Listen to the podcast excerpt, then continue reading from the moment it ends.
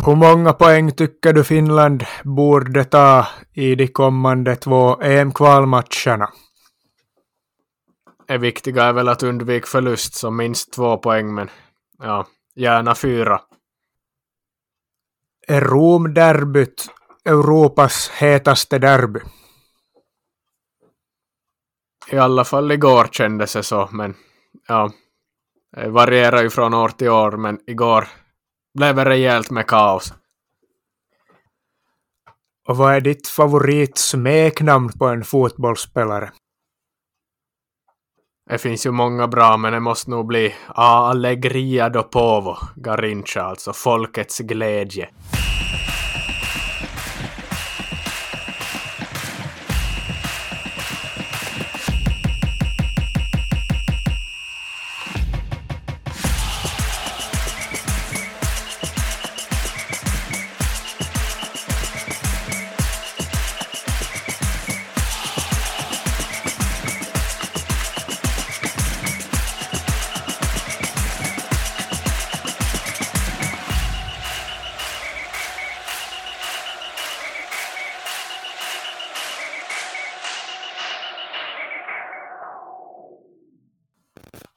Ja, välkomna till ett nytt avsnitt då igen.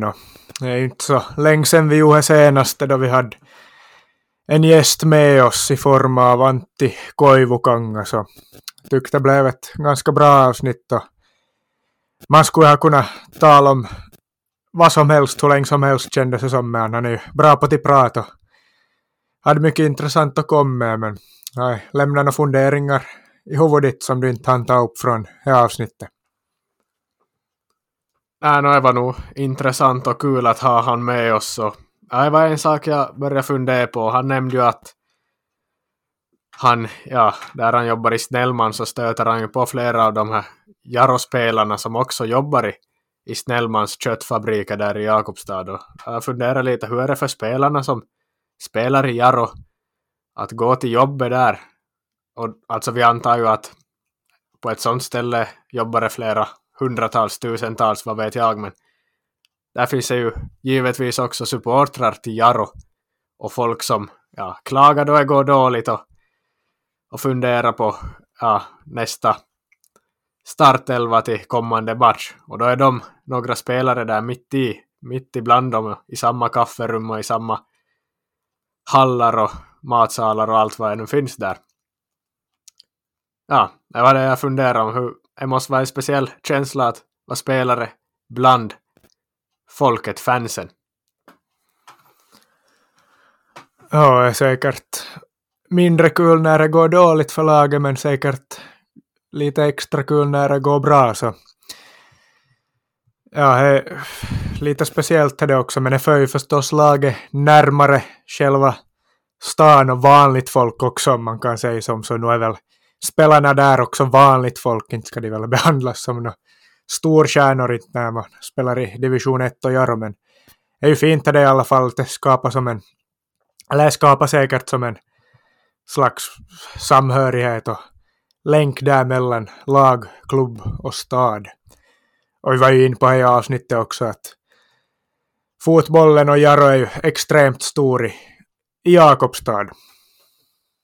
Ja, och jag funderar faktiskt över det, att det kan nog bra hända att Jakobstad och Jaro är den stad där fotbollen betyder som mest i hela Finland. För när man går igenom stad för stad så ja, huvudstadsklubbarna och huvudstaden faller ju alltid bort. För i, i en huvudstad finns det så mycket annat att göra annat utbud av olika saker. Tammerfors är en, mer en hockeystad och ja, storstad också. I Vasa har vi hockeylag också, inte bara fotboll. Uleåborg kommer inte ens till tals. Åbo finns det utbud av allt möjligt också. Mariehamn eh, funderar jag som ett motbud att där finns ju inte någon annan sport som konkurrerar på hög nivå men IFK Mariehamn steg ju till högsta ligan 2005 och inte hade de ju egentligen på det sättet varit så stora i samhället fram till det. Men är väl Haka i Valkeakoski som är är närmaste vi kommer. Eller ja, är kanske till och med på en annan nivå än Jarro och Jakobstad, vad vet jag, men det känns som att är de jag kommer på som orter, städer i Finland där fotboll betyder mer än andra, där inte finns konkurrens av annat.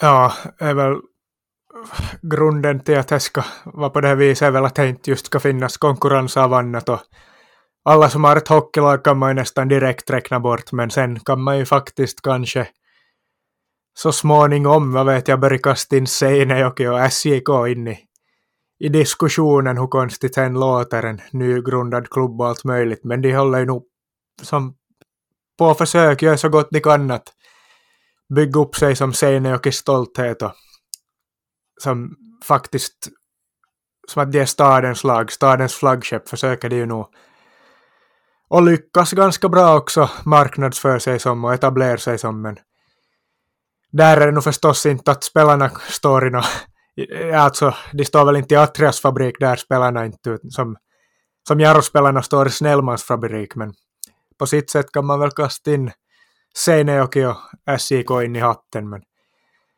ja, Jaro och Haka är väl mer så klassiska exempel i alla fall. Jag, jag tänker lite som om man ska ta exempel från Sverige, våra grannar, så är det lite som Degerfors känsla över de här samhällena där.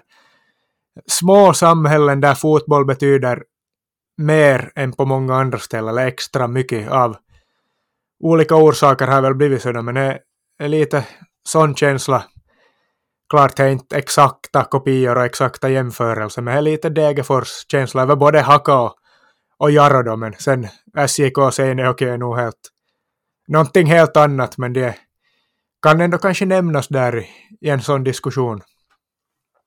Ja, ni kan ju själv fundera på var i Finland betyder fotbollen mest för, ja, för själva orten eller stan i en procentuell jämförelse. Då är väl nog de nämnda exemplen ganska högt uppe. Men ja, en fråga vi glömde fråga av Koivukangas var ju den här som vi har ställt åt några andra gäster.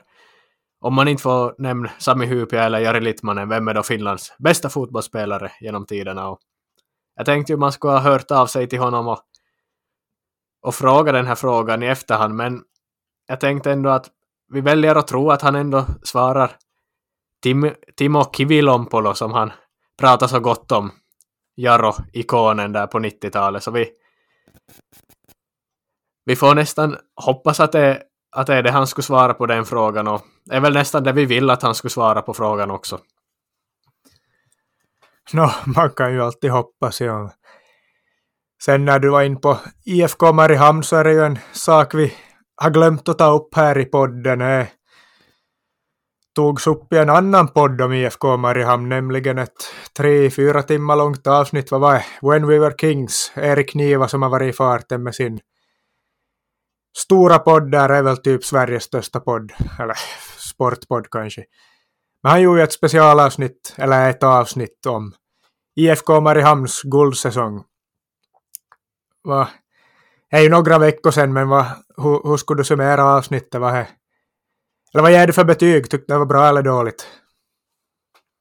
Äh, jag var ju lite besviken. Jag hade ju hoppats på mer, men äh, det kanske inte fanns så mycket mer att ta av. Men jag tyckte man pratade lite för mycket om hur man ska få ihop gruppdynamiken och allt sånt där med lagmoral. Det var lite för mycket sånt. Han har gjort betydligt bättre avsnitt tyckte jag. Men ja, vi har ju tidigare har vi funderat på vilka finska tänkbara When We Were Kings avsnitt som skulle kunna komma och då hade vi ju Mariehamn 2016 som en given kandidat. Och Littmannen har ju varit when he was king.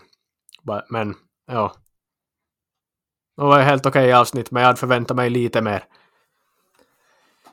Ja, inte var väl kanske mest färgstarka eller häpnadsväckande historien egentligen inte men han gjorde väl det bästa av vad som fanns att jobba med, men inte fanns det väl kanske så mycket mer som sticker ut. Alltså klart det är häftigt att en liten klubb som IFK Mariehamn går och vinner finska veckosliga. Det ska ju inte vara möjligt faktiskt.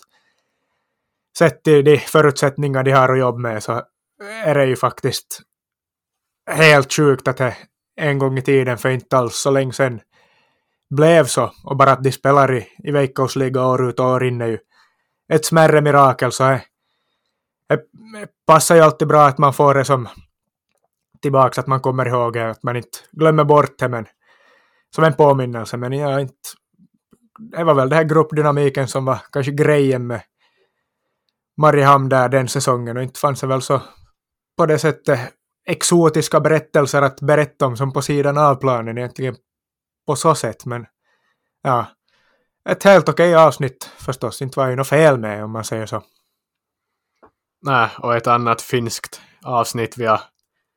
Ja, det kommer ju aldrig hända, men som vi har pratat om att skulle borde göra sig om IK-myran då de steg till finska högsta ligan på damsidan 2019. Och nu har i alla fall Niva gjort avsnittet om Mariehamn, men på tal om IK Myran så hade, såg vi ju en IK Myran sticker, alltså ett klistermärke då vi var i Liverpool senaste månaden. Det har vi väl faktiskt inte nämnt här i podden, men det var ju häftigt att jag var på en pub utanför Anfield på, på Vessa där så såg vi IK Myran sticker.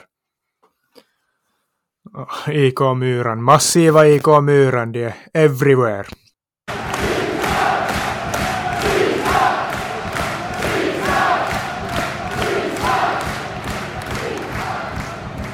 när vi ändå pratar om When We Were Kings avsnitt, vilka är dina... Nu har vi inte förberett någon lista på favoriter. Jag har jättemånga favoriter bland de alla avsnitt som har gjorts, men om du drar så här rakt av, vilka är dina favoriter av de avsnitten? Det finns ju många att ta bland. Ja, det finns ju här. Man har ju hört precis varenda ett tänkte jag säga, men inte riktigt för han har väl gjort två avsnitt tror jag om Manchester United-säsonger och det har man ju förstås vägrat höra på. Är det kanske något annat? Någon gång har man hört kortversion där var typ Kevin De Bruyne, men annars har man hört fulla versionen på alla. Så här rakt av ur huvudet skulle jag faktiskt säga att det är Feyenoord-avsnittet. Det var väl hösten 2020 med Dirk Köyti i spetsen Det är ett av mina absoluta favoriter. Och sen några andra av de här tidiga Ahmed-spår, Johan där, coronavåren, första coronavåren, det var ett sjukt avsnitt och ett annat sjukt avsnitt som man minns var ju Togo 2010, Afrikanska mästerskapen, så de är nog så här rakt av i huvudet. Sen måste jag kanske scrolla igenom listan här lite och se vad han har mer, men de, det är nog mina som kommer direkt i huvudet, men du kan ju dra dina med när jag scrollar lite. Ja, som du nämnt Togo är också ett som jag gillar mycket. Alla de här med afrikanska landslag och afrikanska lag tycker jag är intressant att höra. Kameruns VM 1990 och Sierra Leone här för en tio år sedan. Det var sådana storyn som, som tog på en i djupet verkligen. Och Bosnien, då de tog sig till VM 2014. Det avsnittet är ett av mina favoriter.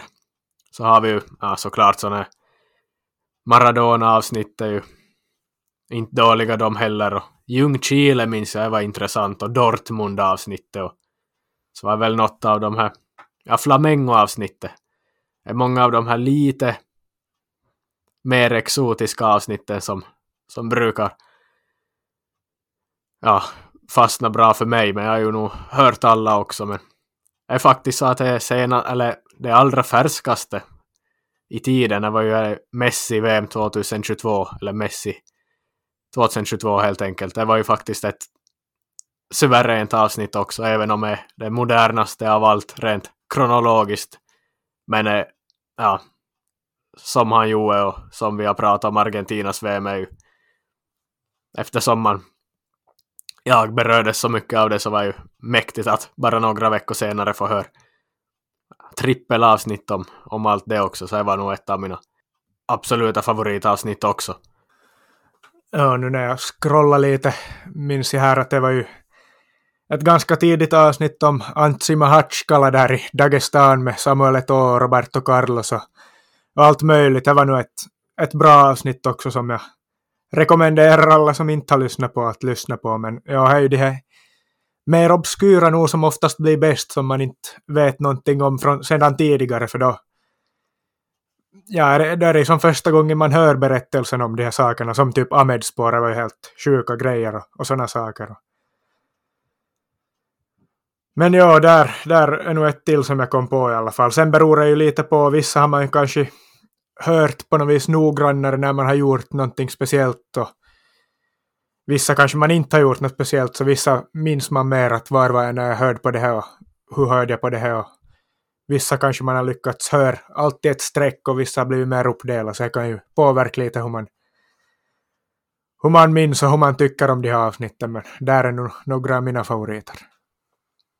Ja, jag brukar alltid spara vissa sådana här avsnitt för att höra jag gå på några långpromenader eller tar en löprunda. Då tycker jag man får ut mest av dem.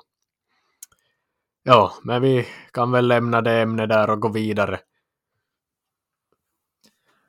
Ja, det Schalke-avsnittet där från början av millenniet var ett bra avsnitt här också, men vi går väl vidare och vad har vi till nästa?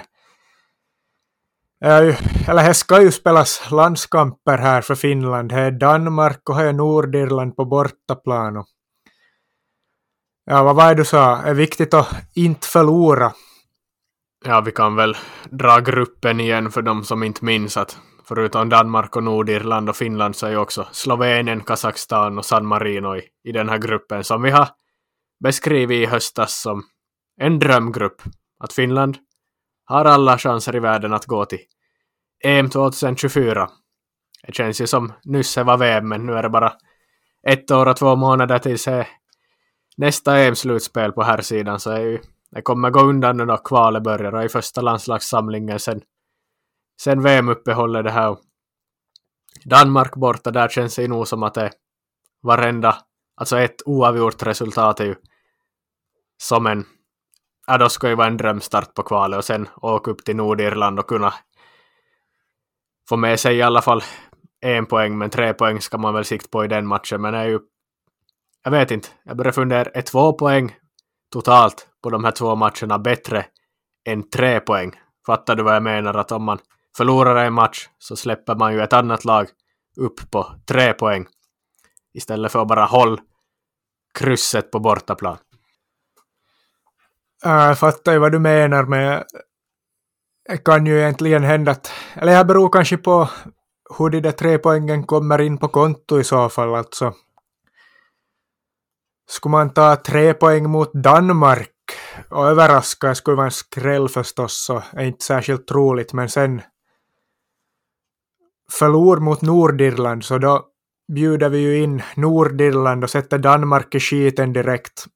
Jag skulle nästan säga att det kanske ändå är värt att släppa iväg ett land och det är ju Danmark. Det är ofta, eller det kommer väl ändå bli så att det blir andra platsen vi får sikta oss in på. Så Danmark kommer väl vara, eller borde vara gruppens klara ettor, så att släppa iväg det skulle ju inte nödvändigtvis vara helt fel med en förlust där då, eller gör inte hela världen ifall vi i så fall skulle vinna borta på Nordirland. Men ja, annars skulle det väl vara bra med, med två poäng, men det blir väl nog de här Nordirland och Slovenien vi får kämpa mot om andra platsen efter Danmark, för Danmark, fast de nu var dåliga i VM, så kommer de väl nog, tror jag, rycka ifrån i den här gruppen ändå. De brukar ändå vara bra i kvalspel och kommer väl vara revanschsugna. Ja, förbundskapten Kanerva, jag tyckte jag läste att han talade om fyra poäng som realistiska, men ja, vi är ju inte ett sånt land som ska kunna bestämma när och var och hur vi tar poängen, utan vi får väl nog bara kom ner på jorden lite här och inse att vi varenda poäng är bra att ta nu och får vi se hur det går då. Men är det något speciellt att säga om landslagstrupperna? Är det något namn som saknas eller är det givna namn som ska ut och, och slåss för, för Hokajat? Ja, no, inte var väl egentligen någon större överraskning. Inte är väl varit lite frågetecken med några skador om det blir någon som fyller i istället eller någonting sånt. Men inte var det väl några större överraskningar, inte klart ännu så det någon spelare 23 hit och dit eller någonting sånt kan ju vara lite Ja, klart det kan vara lite debatt om sådana, men inte är det väl i det stora hela är det väl nog en ganska väntad trupp nu, men det var nog ett namn som ändå har blivit debatt kring, eller lite diskussion kring, snack kring kanske vi ska säga ju Malik Tiav, Milan-spelaren, Milan-backen som har slagit sig in där i, i startelvan under vintern här är väl ungefär sedan januari framåt. Han lämnade ju Schalke i somras och gick till Milan. Och har börjat få spel där nu och gjort det jättebra de senaste två, tre månaderna. Det har ju varit länge diskussion med honom.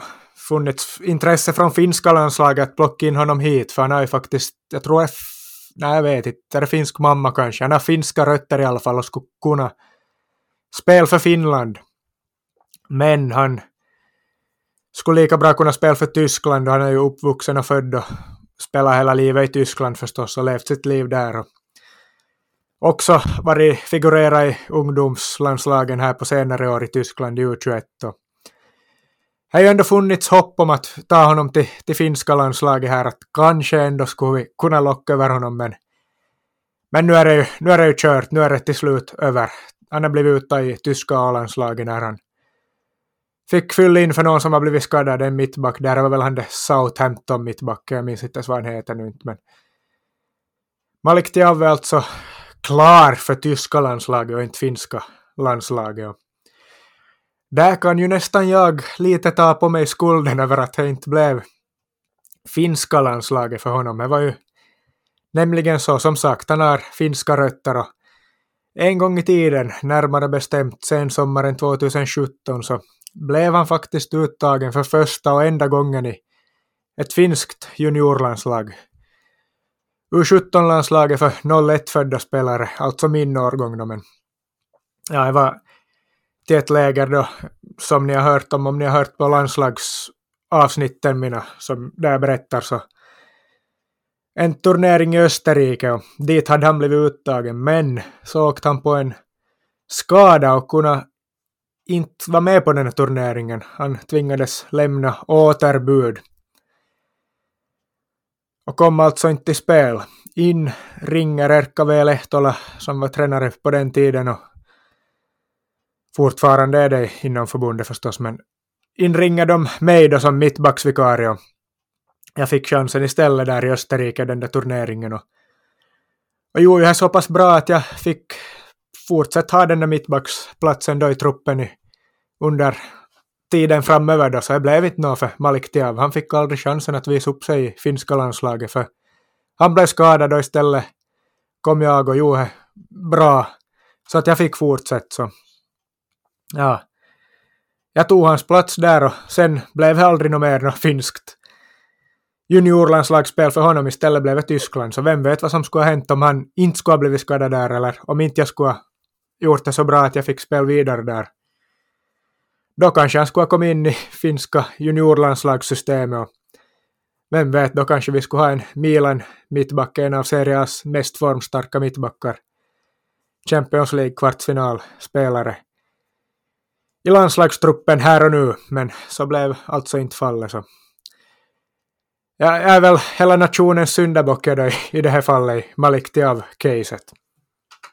Vi får väl se om han spelar hemma-EM för Tyskland nästa sommar. Det skulle väl vara pricken över i det. Men det är ju intressant när du berättar det här att det är ju som hur saker kan förändras i, i världen och fotbollsvärlden är sådana heter det sliding doors moment.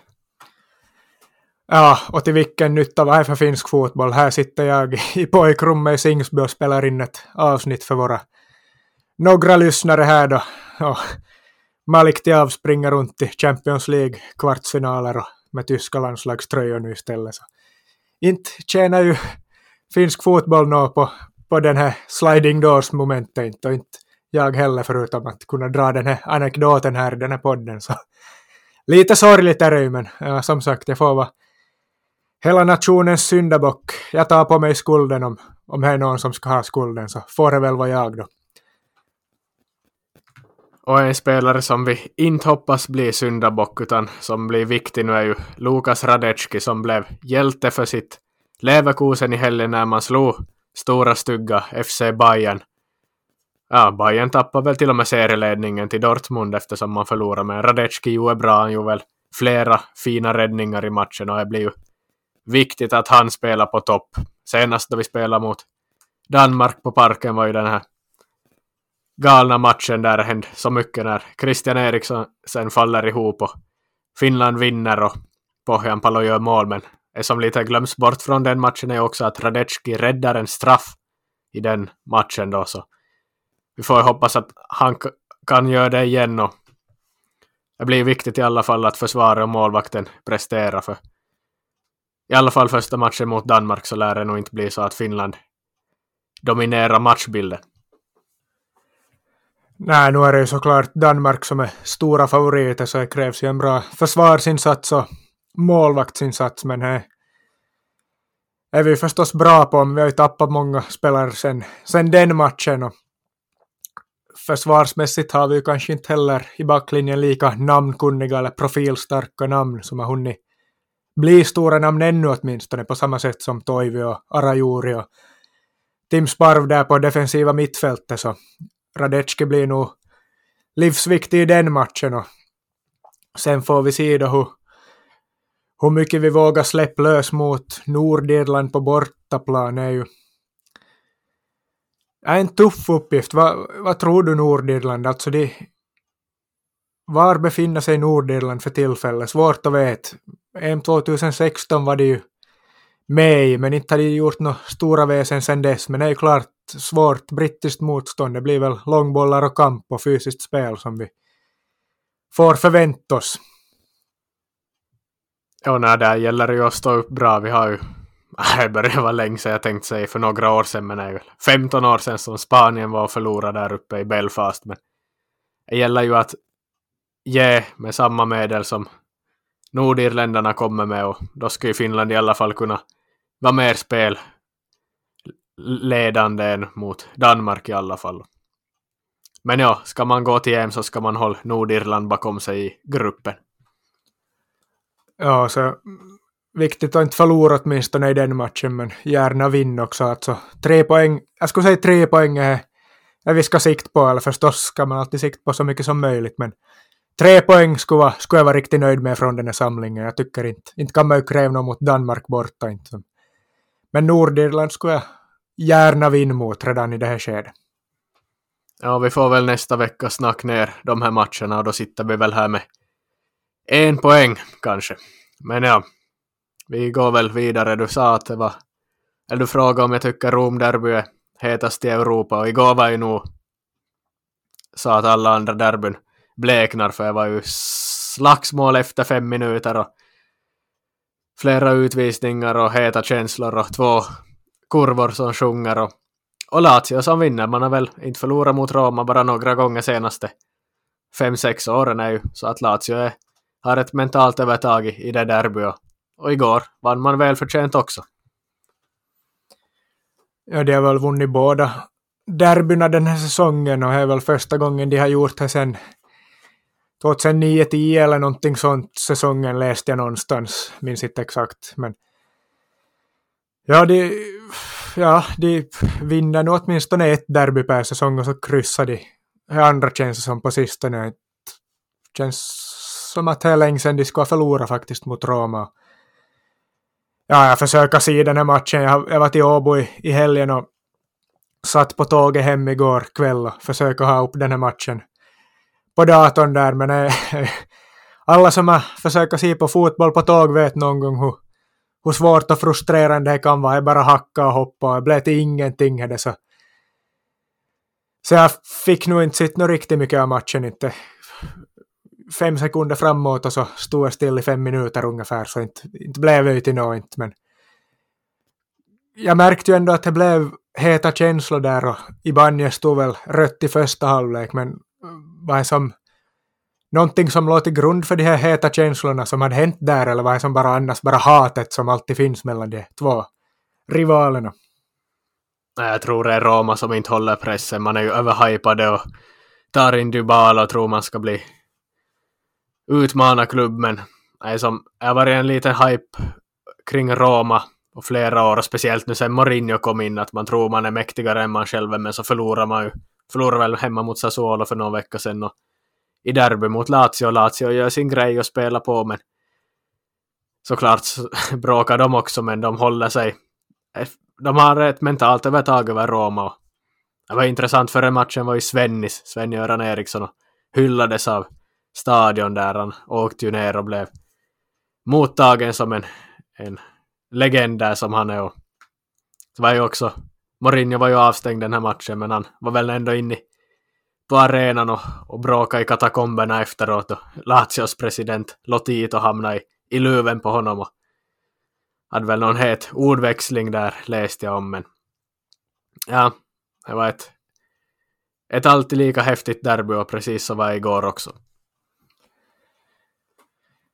Ja, det här Lazio-spel, eller det här Sarris Lazio, jag tycker jag gillar vad jag ser där. Alltså, he, han är ju känd för sin offensiva, fina fotboll, kul till se på och sånt, men ja, när stundtals kan de ju spela den fotbollen också, börjar man ju se riktigt bra i, i Lazio. Det brukar ju ta något år innan han lyckas få det att flyga i de klubbar han kommer till, men nu, nu börjar ju ta fart i Lazio här på senaste månaderna. De är väl andra i serien tror jag också. Men jag, jag gillar med Sarri nu för tillfället att han kan också spela sådana på resultat om det behövs, om vi ska säga som så. Han, kan, han behöver inte spela den här frejdiga offensiva fotbollen. Han behöver som inte låsa sig till den lika bestämt som han gjorde förr i tiden. Det var som bara antingen eller så ingenting, men nu har han som också på något sätt kommit till insikt att ja, ibland behöver man gå på resultat också bara, så då kan man spela sådana mer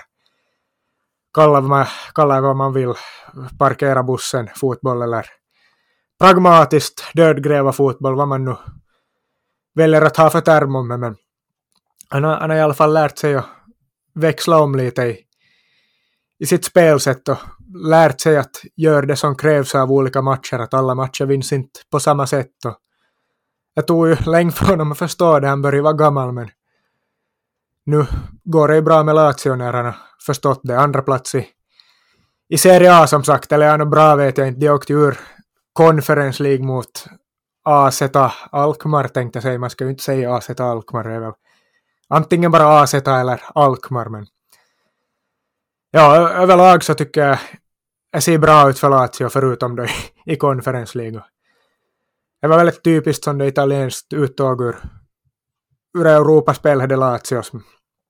Jag minns jag, då vi kom e ju de här Champions League-lottningarna här som vi diskuterade för någon vecka eller månad sedan till åttondelsfinalen så sa jag ju att ja, italienska lag, de, de går sällan bra i, i Europaspel. Jag lyckas aldrig för de, eller de senaste åren. Det, det funkar inte, det är något som inte funkar. Och typiskt nog så går ju sex av sju lag vidare då, överlägset mest italienska lag vidare i Europaspel av alla, alla länder.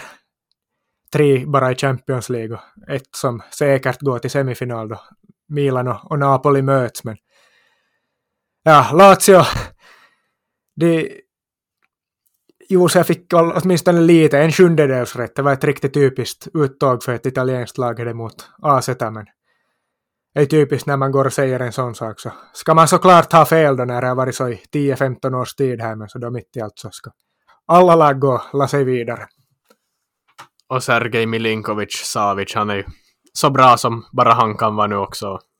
Men Immobile har ju varit mycket skadad, men ändå går man så bra. Men hur bra går man egentligen då man är, är det 18 poäng efter Napoli?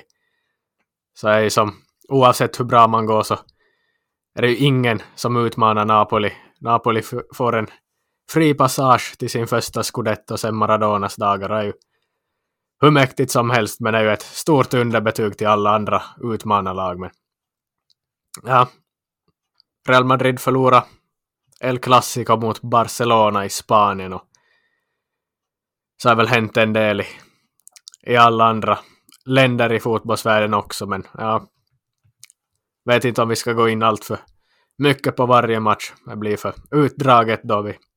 Men vi kan i alla fall konstatera att det hände en speciell sak i spanska ligan i helgen. Det var Rayo Vallecano mot uh, Girona tror jag.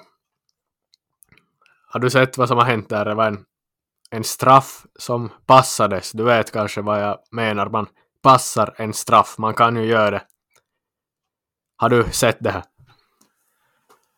Nej, jag har inte sett det, men jag har hört om det. Jag har inte sett hur det såg ut. Men det är väl en sån där Cruyff passningsstraff eller Messi Suarez passning där som Rayo Vallecano har varit och försökt sig på, men Om jag förstår rätt så hade de väl misslyckats.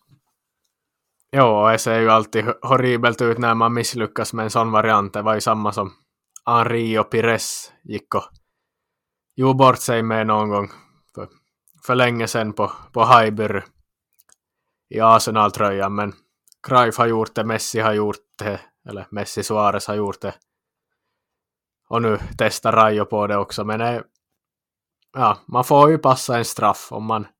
Det är samma som att man skjuter en straff i, i ribban eller stolpen eller på målvakten och en annan spelare kommer och, och rör bollen efteråt. Eller om jag tar i målvakten har ju målvakten rört den, men det är samma som om man skulle skjuter i ribban och någon annan lagkamrat kommer och sparkar efteråt. Men man får ju slå bollen framåt, eller äh, bollen måste gå framåt, men ingen spelare får ju komma in i straffområdet när man passar en straff. Och jag, jag kollar på några sådana tidigare passade straffar och om man skulle sätta in VAR där så skulle allihopa bli bortdömda för det är nästan omöjligt att, att hitta en sekvens där alla spelare är utanför straffområdet när de här märkliga straffarna har skett. Men ja, överlag. Varför slår man en passningsstraff? Är det bara för att kunna komma på Youtube och ha det på CV någon gång? Och vara cool. Det känns nästan som så, för jag är ju... Ja, en straff är ju så pass bra chans att göra mål på ändå. Ja, nu är det ju så nog inte. Är det väl någon som gör det för att, ja, för att man skjuter en straff på ett sätt att det är säkrast sättet att göra mål på. Inte, inte. Det är nog bara för att det ser coolt ut och för att ha show. Och inte, ja, inte vet jag. Cruyff gjorde det en gång och tycker jag skulle kunna räcka med det egentligen inte. Är det väl så häftigt när man ska försöka som några Rayo Vallecano-spelare gör mot Girona i alla fall inte och sen missar man det då förstås. Är ju, är lite rätt åt det då, eller no, förstås är det väl kul att folk pröva på saker och bjuda på lite show, men no, nu är det ju bara en YouTube-grej nu helt, såklart. Ja, där kommer jag faktiskt på, det finns ju ett moment alltså jag tror att ingen någonsin har gjort det i fotbollen. Jag har i alla fall aldrig sett det. Alltså, passade straffar har vi sett några nu genom åren, inte några många, bara de här jag räknar upp är några kända exempel, men att man skulle göra en sån variant att man istället för att pass längs marken man som lättar chippar, alltså som lättar upp bollen så att medspelaren kommer att dra på volley. En sån straff, alltså passad straff i luften. Det har vi väl aldrig sett i fotbollshistorien och vill någon bli först med det så här har ni en idé. Om ni spelar i division 6 eller om ni spelar i, på högre nivå. Ja, nej, inte har man någonsin sett något sånt. Och det skulle vara betydligt häftigare än bara en sån vanlig passningsstraff. De ser ju ofta ganska som, inte ser det ju som så snyggt ut egentligen heller. Då Cruyff gjorde så snyggt ut, men inte ens då Messi och Suarez gjorde var ju något snyggt. Då var ju tänkt, tror jag, att Neymar skulle komma där och ta den där bollen, men passningen blev lite felvinklad eller för hård eller någonting, så Suarez kom där och var plan B och fick slå in den istället, så det var ju som lite misslyckat då. Så men ja, om någon skulle kunna chippa upp den så skulle det skulle vara mycket snyggare. Det är show på riktigt, ja. Dock är det väl ganska svårt, eller det blir ju uppenbart vad man ska göra. Eller kanske inte uppenbart vad man ska göra om man aldrig har sett det förr, men hej för den som ska slå passningen eller chippa upp den i luften. Man skulle ju nästan måste stå still och gräva foten under bollen bara och vippa upp den direkt åt någon som kommer i farten, för man är som svårt att springa mot en boll och chippa upp den rakt upp så att en spelare ska kunna komma och skjuta den är väl nästan omöjligt. Så man skulle som man nästan bara måste stå fast, stå helt still vid straffpunkten och vippa fram bollen lite uppåt och så kommer någon springandes. Men det är nog det är svårt att genomföra men någon får ju gärna försöka sig på det fast här i lokalfotbollen i i Vasa, Österbotten-trakten eller vad som helst annars. Gärna på högre nivå också om någon vågade. Jo, men ja, vad har vi annat att, att ta upp? Vi har i alla fall en indisk ligamästare från Finland. Joni Kauko har gått och vunnit. Heter det fortfarande Indian Hero Super League? Någonting i den stilen, men hans klubb. ATK, ATK Kolkata hette förr men har bytt namn till no Mohan Bagan eller någonting. Men han, hans lag har vunnit indiska ligan även om han är långtidsskadad. Men han har väl varit med och, och firat guld i alla fall så ja. Ja, jag noterar vi i alla fall att, att det har hänt. Indiska superligan är väl ett, ett ämne man skulle kunna dyka ner i mer och göra något specialavsnitt om nästan. Det var ju där runt 2013-14 när man startade upp den här ligan och fick dit en massa stjärnor, sådana gamla avdankade Trezeguet och Del Piero och Materazzi och Riese har varit där och snurra också. Det var många. Jag höll ju på Luis Garcias ATK Kolkata då, Atletico Kolkata minns jag för att bara för att han var där, men det var det visades ju några matcher på Eurosport 2 tror jag va, Så man såg ju några för tio år sedan, men nu har ja, ligan finns fortfarande, men jag vet inte hur, hur många av lagen som är samma, men Joni Kauko är i alla fall indisk mästare. Ja, och på tal om show så går väl nog den där ligan, eller gick åtminstone förr ut mycket på show. Kanske inte lika mycket show nu mer, men nu finns det säkert något känt namn där i, i något av lagen ännu. Men jag sa att Materazzi var spelande tränare i något av de här lagen. Det var inte ganska vanligt att de här stjärnorna de hämtade in, åtminstone Materazzi var väl spelande tränare och kanske någon annan också. Ja, Roberto Carlos var väl också där när jag tänker efter och han var väl också kanske någon sån roll. Ja, men ännu ur finsk väg. Ja, nu har vi hoppat lite in och ut från Finland här i det här avsnittet, men kan vi väl ännu konstatera att är klart för en final i, i ligacupen som har spelats här under försäsongen och är ju Inter är inte där, tänkte jag. Jag tänkte säga Inter. Nej, de förlorade mot AC Oulu på straffar i Uleåborg. Min gode vän Noah Nurmi gjorde karriärens första mål faktiskt i en officiell A-lagsmatch. En vänsterslägga låg till ena hörnet där. Så man får gratulera honom till det, men det blev uttåg på, på straffar och AC Oulu till final. Där de möter stora stygga HIK som också tog sig till final via en straffläggning där de slog ut Kups. Så där har ni finallagen. HJK möter AC Oulu. Det är väl inte klart ännu var matchen ska spelas, men den ska väl spelas första april tror jag. Så. Ja, kort bara, vem tror du att lyfter ligacupbucklor.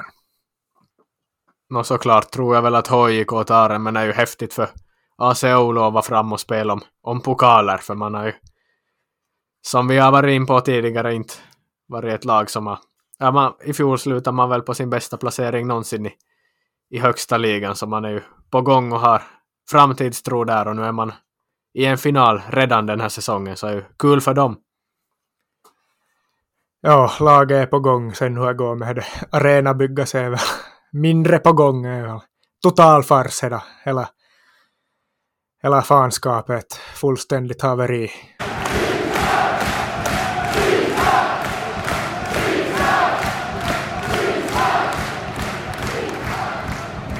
Men ja, vi ska börja avrunda här så småningom, men före det tänkte jag att vi kör ett, inte riktigt ett quiz, men jag har en liten utmaning åt dig här. Jag frågade ju det här med smeknamn i, i introsegmentet. Jag har en smeknamnskopplad utmaning.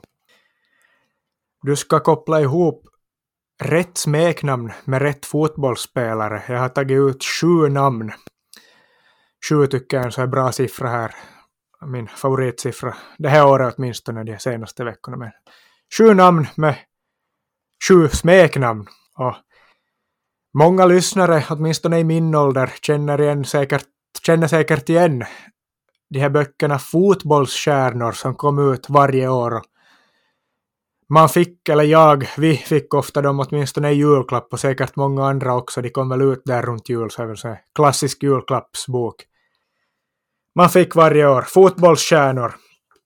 Och jag har kollat i dem lite och på faktarutorna om de här spelarna som fanns med står alltid, eller på de som har, alla finns nu inte riktigt smeknamn, men vissa har smeknamn. Klart, det finns ju mer sådana, eller vissa som är mer välkända och tydliga smeknamn som är mer väl etablerade typ. Ja, vad har vi?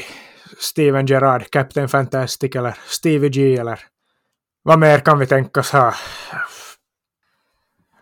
Ja, typ El Niño på Fernando Torres, men sådana är ju lite för självklara, men då är det så bra att i den här, eller de här böckerna så finns det nog ganska så konstiga smeknamn också som jag undrar om de spelarna någonsin ens har hört själva att de kallas. Eller. Man undrar nog lite hur, hur de har hittat på de smeknamnen, varifrån de, de har tagit de här smeknamnen. Så. Ja, jag, jag har tagit ut sju sådana lite mer svår tydliga, så inte så självklara så inte du ska veta direkt vilka de är. Och du ska alltså då para ihop de här smeknamnen med rätt spelare. Och jag har skrivit upp de här så här i två kolumner så du får fast dra så här streck som man brukar bli sån här skolövning att para ihop rätt ord med rätt namn här. Så du får försöka dra streck mellan här.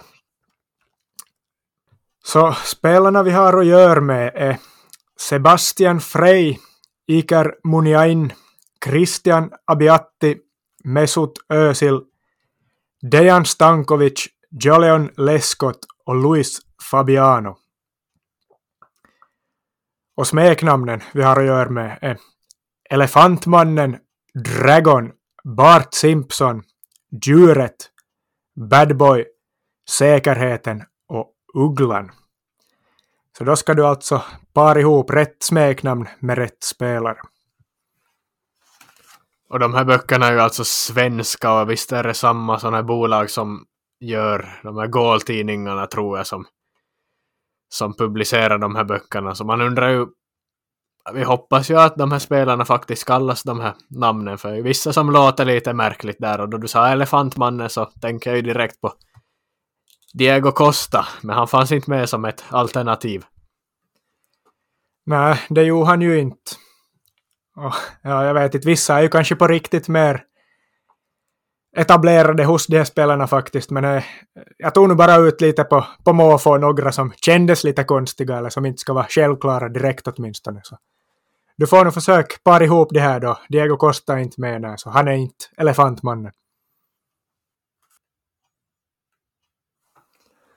Jag ser att du drar på pappret här ugglan till Mesut Özil direkt som första och det kan jag ju säga att det är rätt direkt. Mesut Özil, Ugglan. Jag tror det var någonting på spanska, att han kallades Ugglan på spanska, men jag körde på svenska varianten Ugglan här. så. Özil och Ugglan är rätt. Då har du sex kvar.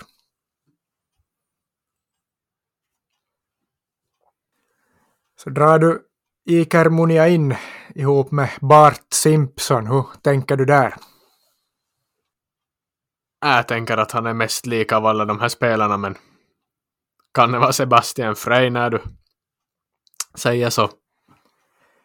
Nej, det är nog faktiskt rätt. Bart Simpson kallas tydligen Iker inför. Ja, när man tänker på det så kanske han är lite lik så där såg du det utseendemässiga.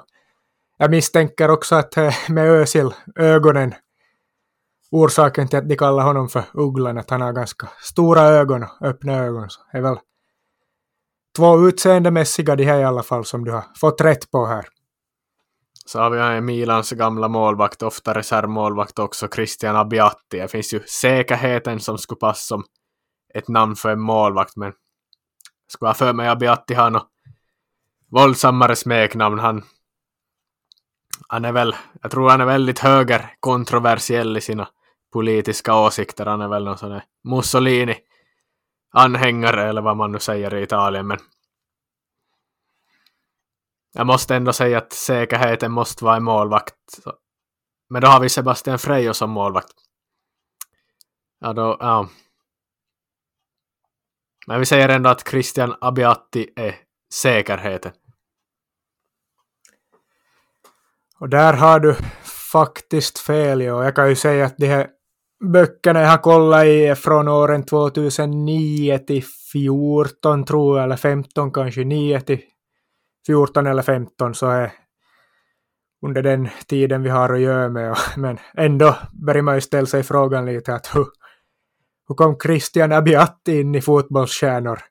Något av de här åren, bland alla bra målvakter som finns. Han var ju oftast reservmålvakt bakom Dida i Milan och sen spelade han väl några säsonger.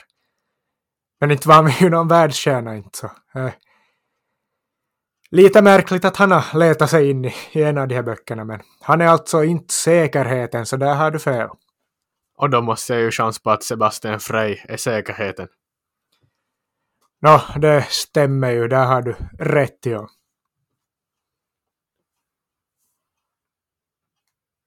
Dejan Stankovic, han kallas väl nå Dejan Deki Stankovic tror jag, men är drake någonting med Deki eller något sånt på, på serbiska? Jag vet inte, men jag har lite dåligt med andra alternativ här, så jag ser att Stankovic kallas för draken.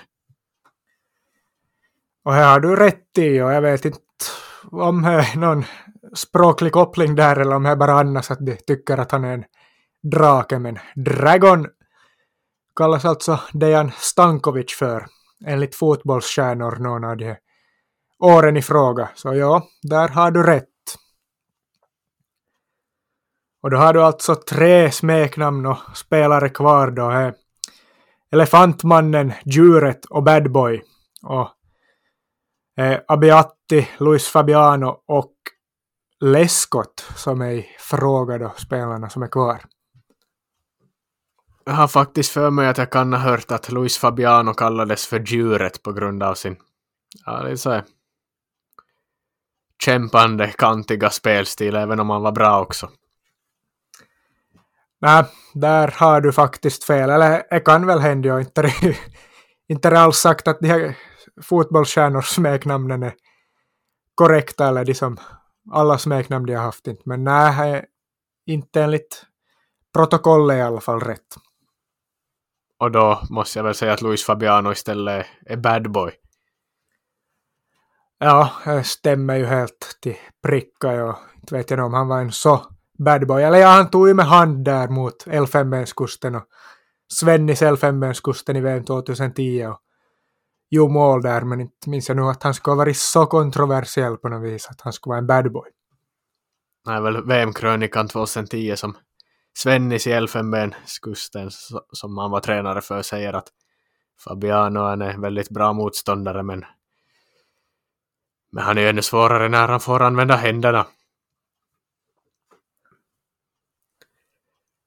Men ja, uteslutningsmetoden med de här två jag har kvar är väl att Joe Leon Lescott är djuret och att Christian Abiati då tydligen är elefantmannen. Ja, då kan jag säga att uteslutningsmetoden var fel metod för elefantmannen är faktiskt Lescott, Joleon Lescott, elefantmannen. Och Christian Abiatti känd då tydligen som djuret, så Ja, du fick väl ungefär hälften rätt där. Det här var ju kanske inte världens lättaste utmaning där heller, men hyfsat bra klarade du dig i alla fall. Men, ja. Har du några spontana kommentarer om de här smeknamnen så är annars? Elefantmannen är väl ändå helt bra smeknamn så det är annars. Ja, vi ska kolla upp här i, medan vi spelar in lite Abiatti på vi ska kolla på hans Wikipedia-sida nu om det står något. Det står inte något smeknamn här står jag. Personal Life, där ska vi gå in och se. Här står det lite att han har varit kontroversiell i italiensk politik och ska vi se vad det står hans... Han delar idealen av fascism som fädernelandet för den katolska religionen här i. Så han har nog sådana högerextrema åsikter, Abbiati det hade jag i alla fall rätt på, men att han kallades för djuret eh, hade jag ingen aning om. Han är född 77. Vet du när han slutade? Mä, no, 2010, 11 har jag kanske 11, 12 ännu har jag minne av att han skulle spela i Milan. Och säg då att han kanske ännu hamnar som reserv där någon säsong till. Säg att han slutar 2015 först. Han var faktiskt reserv ännu 2016, men här mellan 2010 och 2014 så var han ju som ordinarie i princip, tydligen. Ja, en märklig man och märklig målvakt, det Christian Abiatti, tydligen fascist då också. Ja, det var inte så lite extrema kontroversiella åsikter han hade inte. Ja, och ser man bild på han så, ja, alltså man blir ju nog rädd. Ja, kanske skulle borde vara fascisten eller någonting ännu mer brutalare smeknamn på honom då än djuret. Men ja, där hade vi här. Jag kan nog dra några andra sköna eller märkliga smeknamn jag hittade här också i de här böckerna. Frank Ribéry hade ju Ferrari Berry, Ferrari Berry. Det var helt fiffigt tyckte jag. Sen Daniel Alves vet jag inte, han sitter ju i fängelse han nu förstås, men three in one. Känns lite märkligt. Tre i en. Vet inte på vilket sätt är Dani Alves tre i en. Svårt till, till sig. Sen Diego Milite, Milito Il Principe är ju ett fint smeknamn. Adebayor har vi Baby Kanu. Helt, helt bra påhittat. Filip Lam har vi den magiska dvärgen. Hade man nog inte riktigt hört, men tydligen. Sen Tim Krull kan man också fråga sig hur han hamnade med i en sån här bok, men han kallades tydligen för Bakers Hands. Och sen har vi då också Falcao som var kungen av Europa League. Och säkert finns det väl hur mycket som helst ännu mer. Dörrvakten har jag för mig att Samir Handanovic kallades i någon av de här böckerna. Sanetti kallades väl för traktorn och allt möjligt sånt. Ja, om Falcao kallades kungen av Europa League så ja, då, då fattar vi väl nog att det, de har lite nog vänt in och ut på de här orden för det är nog El Tigre som han är känd som i världen om vi säger så. Ja, och vissa av de här nu så det kunna ha två, tre olika smeknamn så nu, nu figurerar väl det El Tigre där också på, på Falcao, men jag tog nog bara ut några sådana som jag nog bara lägg märke till. Ja, på tal om Ribéry, vi talade väl om mig i höstas någon gång, eller han, han la ju av spelarkarriären. Han var ju en vända till Salernitana här på ålderns höst efter att ha lämnat Bayern München, men han slutade ju spelarkarriären här i höstas, men har du märkt här att han är ännu kvar på bänken där i Salernitanas matcher och figurerar där? Jag hade inte kollat någon av deras matcher på länge, men jag såg då de hade mot Milan här i förra veckan var jag väl, och där var han nu och härjade på och var hur engagerad som helst. Här hade man väl inte förväntat sig att Frank Ribéry skulle härja på som icke-spelare på Salernitanas bänk i det här skedet av karriären. Hade du märkt det ens? Jag såg att han var på bild med Zlatan där. Men det är väl fina ställen att bo kvar i där. I de trakterna i alla fall. Så han, han trivs väl på sidan av plan men att han är involverad i, i laget fortfarande är kul att se. Ja, bara att han nu ens gick från Bayern München till Salernitana av alla lag är ju ganska mäktigt det också, så ja, det är väl säkert fint att bo där, ja, men det är ju fint att han hänger kvar där och fortsätter i visa engagemang för Salernitana som ser ut att hållas kvar i år också. Har ju ett ganska profilstarkt truppbygge. De kommer vara ett sånt lag som när man ser tillbaka på deras trupp om en 10-15 år så kommer man vara så ah, ja, han var där han det och han det och var där och, och ja, en många sådana profiler som man kommer